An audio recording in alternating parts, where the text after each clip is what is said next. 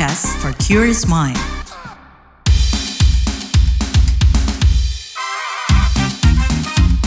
What's Trending KBR Pagi, siaran pagi radio paling update. KBR Pagi, siaran pagi radio paling update. Selamat pagi, apa kabar kalian semuanya di hari Kamis 14 Desember 2023? Kembali lagi saya Don Brady menjadi teman pagi hari kalian semuanya di What's Trending KBR Pagi pastinya. Nah, debat perdana tiga calon presiden 2024 usai digelar, namun masih jadi bahan perbincangan hingga sekarang. Media sosial pun dipenuhi potongan-potongan kutipan pernyataan para kandidat yang tak sepi dari komentar netizen tanah air. Dari semua statement Capres Selasa 12 Desember lalu, apakah semuanya terpercaya? Nah, untuk memastikan ketepatan pernyataan yang mereka lontarkan, Koalisi Cek Fakta yang terdiri dari Aliansi Jurnalis Independen atau AJI, Asosiasi Media Siber Indonesia atau AMSI, Masyarakat Anti Fitnah Indonesia Mafindo, dan 19 media yang tergabung dalam koalisi menggelar live fact checking debat Pilpres perdana. Anggota koalisi pun berhasil memeriksa 41 klaim para kandidat dan menghasilkan 54 artikel dan jumlah ini masih akan bertambah. Menurut Ketua Umum AMSI, Wahyu Diatmika, tim media yang tergabung dalam koalisi tersebut ingin membantu memastikan bahwa tidak ada data-data yang keliru atau disalahgunakan oleh para kandidat. Pemeriksaan fakta ini menjadi bagian dari upaya untuk membantu publik memeriksa akurasi pernyataan atau klaim para kandidat. Menurut Sekjen Aji Ikaning Tias, pernyataan para kandidat dalam debat perdana tak seluruhnya sesuai dengan konteks dan data. Kata dia, ada pernyataan yang diberikan para kandidat ini benar sesuai dengan data, tapi juga ada yang menyesatkan. Harapannya publik tidak terjebak pada hoax atau pernyataan-pernyataan yang tidak berbasis data. Kita bakal bahas setelah komentar netizen plus 62 berikut ini.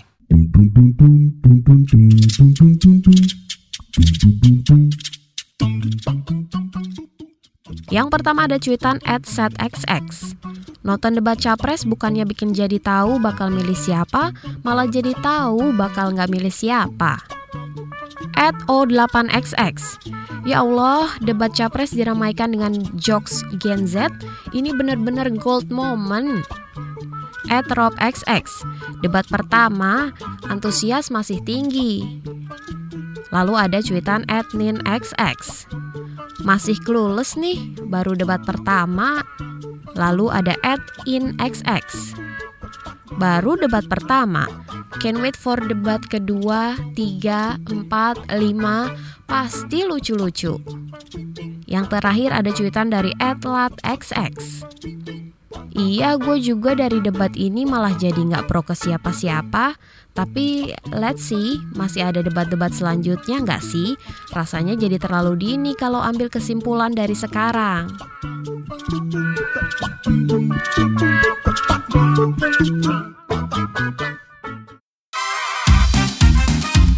What's Trending KPR Pagi, siaran pagi radio paling update.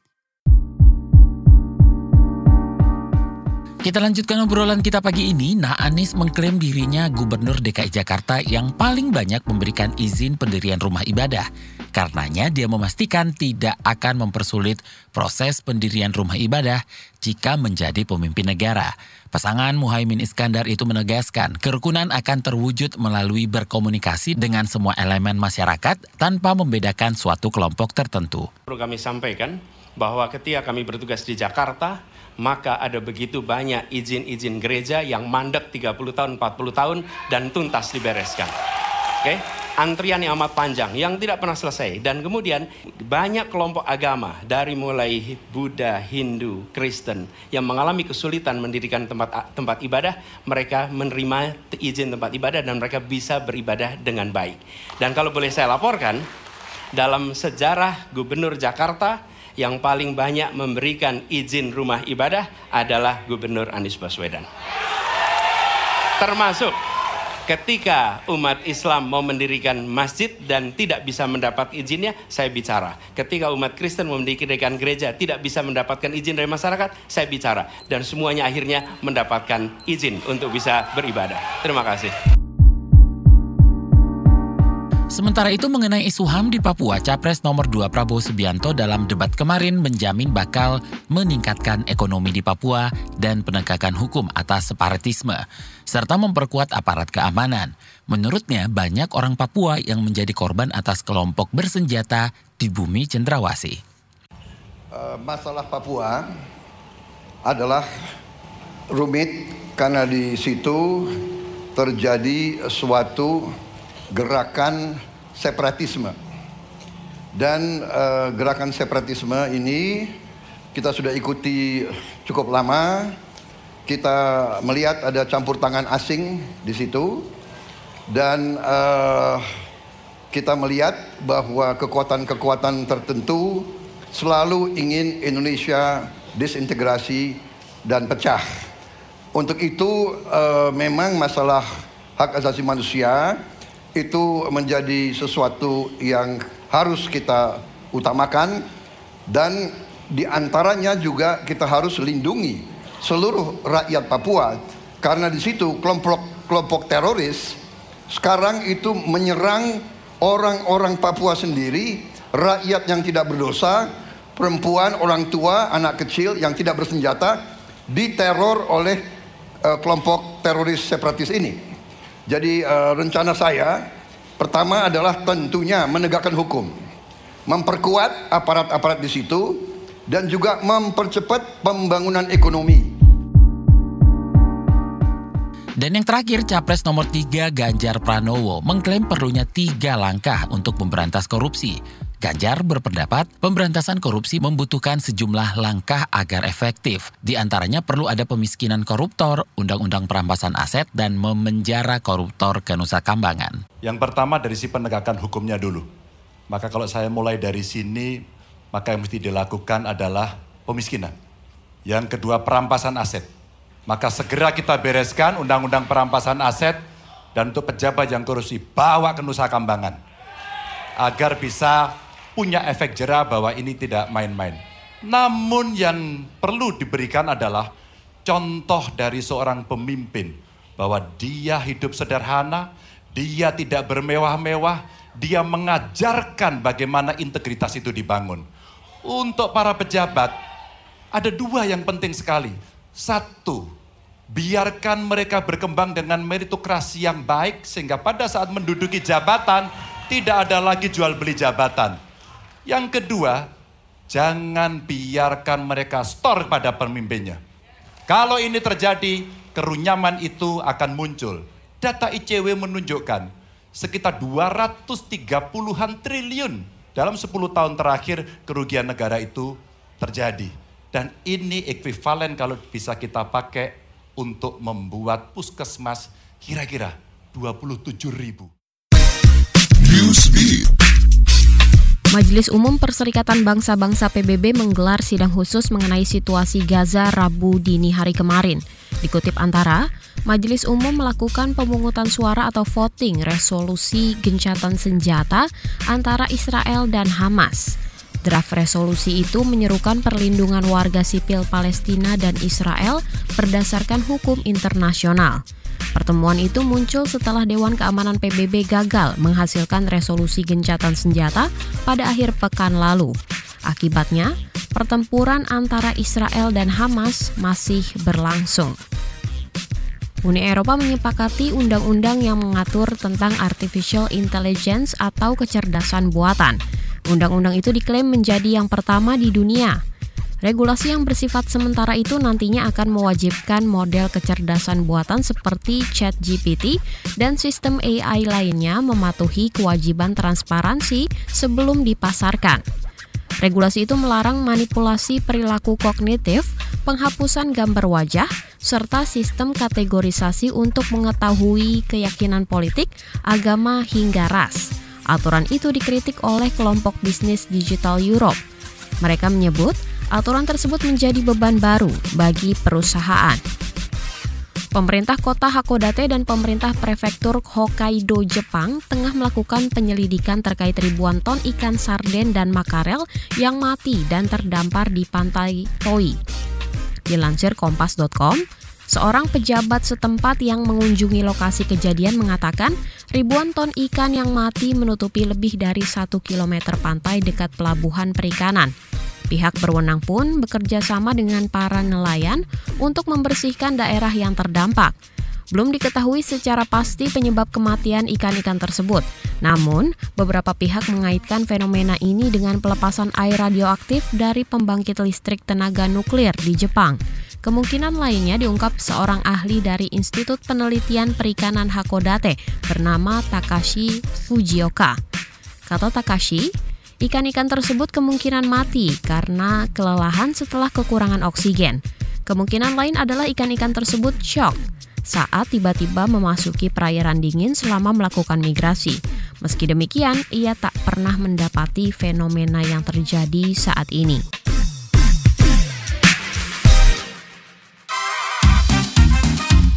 What's Trending KPR Pagi, siaran pagi radio paling update.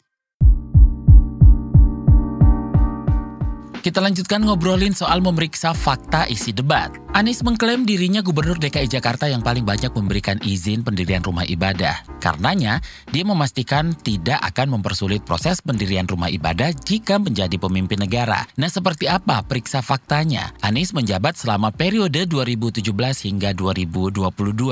Dalam periode tersebut, menurut data Badan Pusat Statistik DKI Jakarta yang dilansir CNN, pada 2018 terdapat 8.785 tempat ibadah di Jakarta secara kumulatif yang terdiri atas masjid, musola, gereja Kristen dan Katolik, pura atau kuil, kelenteng, dan vihara. Kemudian pada 2019 turun menjadi 7.072 bangunan. Pada 2020 jumlah tempat ibadah naik menjadi 7.732. Tahun 2019 naik menjadi 8.212 dan pada 2022 kembali naik menjadi 8.692 tempat ibadah. Namun terjadi penurunan jumlah tempat ibadah gereja protestan. Berdasarkan data BPS pada 2018 gereja protestan di DKI Jakarta berjumlah 2.742, namun pada 2022 berkurang menjadi 1.293. Kita juga menanyakan perihal statement Anies terkait jawabannya atas komitmen terhadap kelompok minoritas kepada Direktur Eksekutif Setara Institut Halili Hasan. Begini jawabnya. Indeks Kota Toleransi Setara Institut itu pernah menempatkan eh, Jakarta pada periode Pak Anies itu sebagai bottom ten ber, eh, berbanding terbalik dengan apa yang disampaikan. Meskipun eh, di dua eh, tahun terakhir periode beliau ada akselerasi. Ya. Salah satu salah satu apa namanya kemajuan yang paling signifikan terjadi di ujung beliau. Tapi klaim bahwa eh, kerukunan penanganan kerukunan itu sudah baik di periode beliau itu tidak sepenuhnya benar. Karena kalau kita balik ke data indeks kota toleran yang dirilis oleh Setara Institute eh, Jakarta di periode beliau pernah menjadi bottom 10 dari 10 kota di Indonesia satu dari 94 kota di Indonesia yang eh, memiliki skor toleransi rendah. Sementara itu mengenai isu HAM di Papua, Capres nomor urut 2 Prabowo Subianto dalam debat kemarin menjamin bakal meningkatkan ekonomi di Papua dan penegakan hukum atas separatisme serta memperkuat aparat keamanan. Bagaimana komitmen Capres Prabowo ini? Direktur Imparsial Gufron Mabruri memberikan catatan.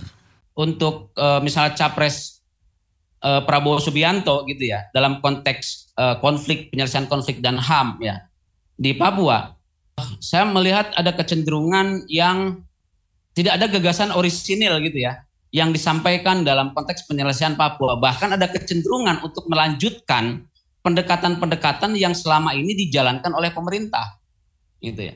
Itu dari mana kita melihatnya? Nah itu bisa dilihat dari bagaimana misalnya persoalan apa identifikasi masalah yang diangkat gitu ya. Misalnya persoalan ancaman separatisme ya kan?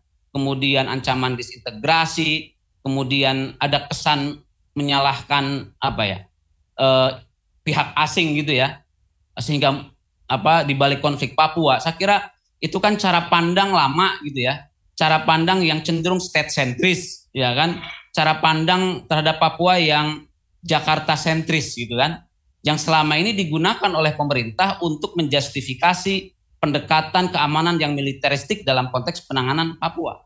Gitu. Jadi nggak ada hal nggak ada apa bukan sesuatu yang orisinil gitu kan. Eh apa eh cenderung melanjutkan pendekatan-pendekatan yang problematik ya. Eh jadi ke depan menurut saya tidak akan ada apa perubahan apa ya eh, perubahan yang signifikan gitu ya dari pendekatan-pendekatan yang ditawarkan eh, dalam dari Prabowo Subianto ya dalam konteks penyelesaian konflik dan HAM di Papua. Nah, kenapa saya bilang demikian gitu ya? Karena dengan misal dengan cara pandang separatisme tadi gitu ya, disintegrasi kemudian eh, apa adanya pihak asing yang katanya apa campur tangan gitu kan yang mendorong disintegrasi perpecahan dan sebagainya ini kan secara logika penanganan gitu kan. Ini mengandaikan kan pasti mengandaikan pendekatan kekuatan militer ya kan? Dalam konteks eh, apa mengatasi apa yang disebut oleh Prabowo sebagai ancaman separatisme dan, dan, dan disintegrasi gitu kan. Dengan dalih adanya misalnya uh, ancaman-ancaman tadi gitu ya itu yang kemudian menjustifikasi gitu kan pendekatan-pendekatan yang selama ini digunakan oleh pemerintah. Misalnya untuk mengirim pasukan ya kan melakukan berbagai operasi uh, dengan dalih ancaman-ancaman tadi. Dan yang terakhir, Capres nomor urut 3 Ganjar Pranowo mengklaim perlunya tiga langkah untuk memberantas korupsi. Di antaranya perlu ada pemiskinan koruptor, undang-undang perampasan aset dan memenjara koruptor ke Nusa Kambangan. Soal komitmen pemberantasan korupsi Ganjar ini kita tanyakan pendapat peneliti Pusat Kajian Anti Korupsi Universitas Gajah Mada, Yuris Reza. Berikut jawabannya. Soal gagasan pertama dan kedua tadi tercakup ya dalam konteks politik hukum undang-undang yang kemudian ya kita tahu juga di paslon nomor urut tiga kan didukung oleh partai politik minoritas gitu ya kemarin yang termasuk juga salah satu aktor yang uh, melemahkan pemberantasan korupsi ya menurut kami. Nah dalam tapi dalam konteks gagasan tadi soal bagaimana kemudian wacana untuk memindahkan lapas koruptor dari Sukamiskin misalnya ke Nusa Kambangan ya itu kan sebetulnya bukan ide baru gitu ya wacana itu sudah cukup banyak berkembang sejak dulu gitu ya. Dan kalau memang kemudian itu dijadikan komitmen yang akan dikonkretkan gitu ya, saya pikir uh, banyak juga yang mungkin akan sepakat ya. Nah, saya saya hanya kemudian ingin merefleksikan gitu ya. Kalau kemudian mereka tidak menjelaskan secara detail uh, bagaimana secara politik hukum perampasan perampasan aset itu bisa diajukan, saya pikir wajar ketika masyarakat itu bertanya gitu ya uh, bagaimana caranya untuk mewujudkan RUU perampasan aset. Lawong dua atau tiga tiganya paslon ini kan didukung semua oleh partai politik yang jelas-jelas gitu ya mereka partai politik ini tidak ada yang setuju dengan RUU perampasan aset. Sampai sekarang kan mandek gitu ya di DPR. Nah logika itu kan belum pernah terjawab oleh semua paslon gitu ya. Saya pikir hanya itu pertanyaan masyarakat. Kalau kemudian itu bisa dijawab, ya ya itu bisa saya katakan hanya mungkin retorika atau gimmick saja gitu ya.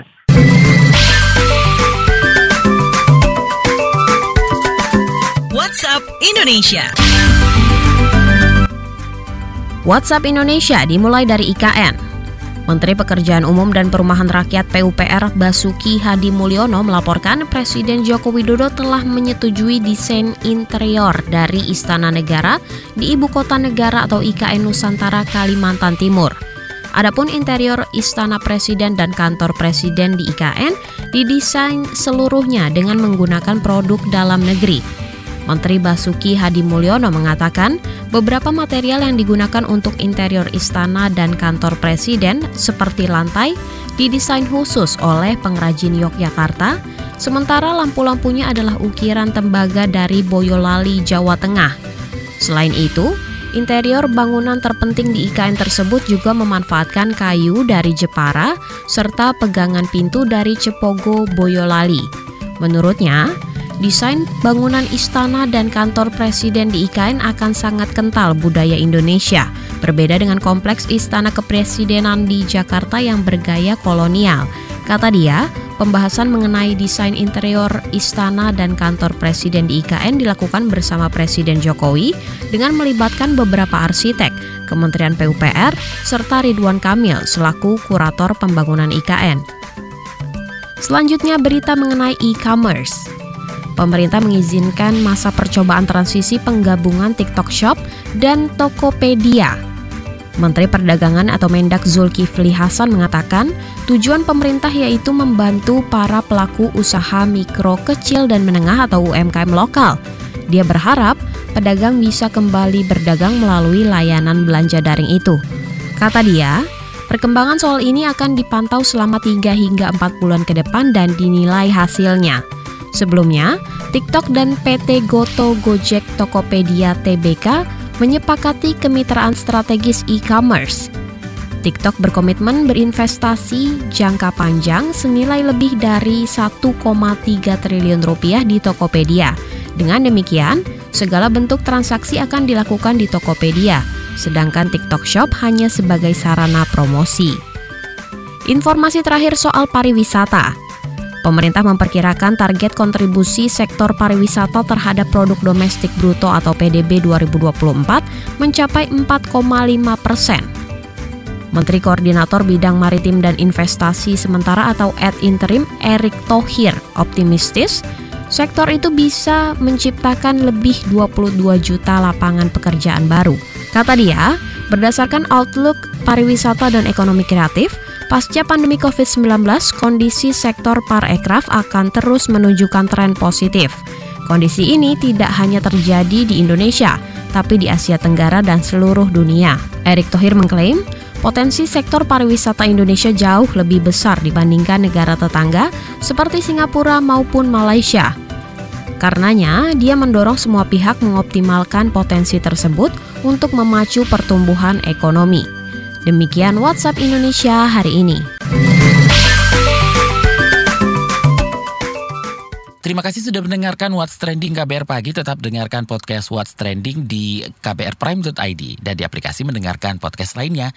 Don't be ready pamit. Besok kita ketemu lagi. Stay safe. Bye-bye.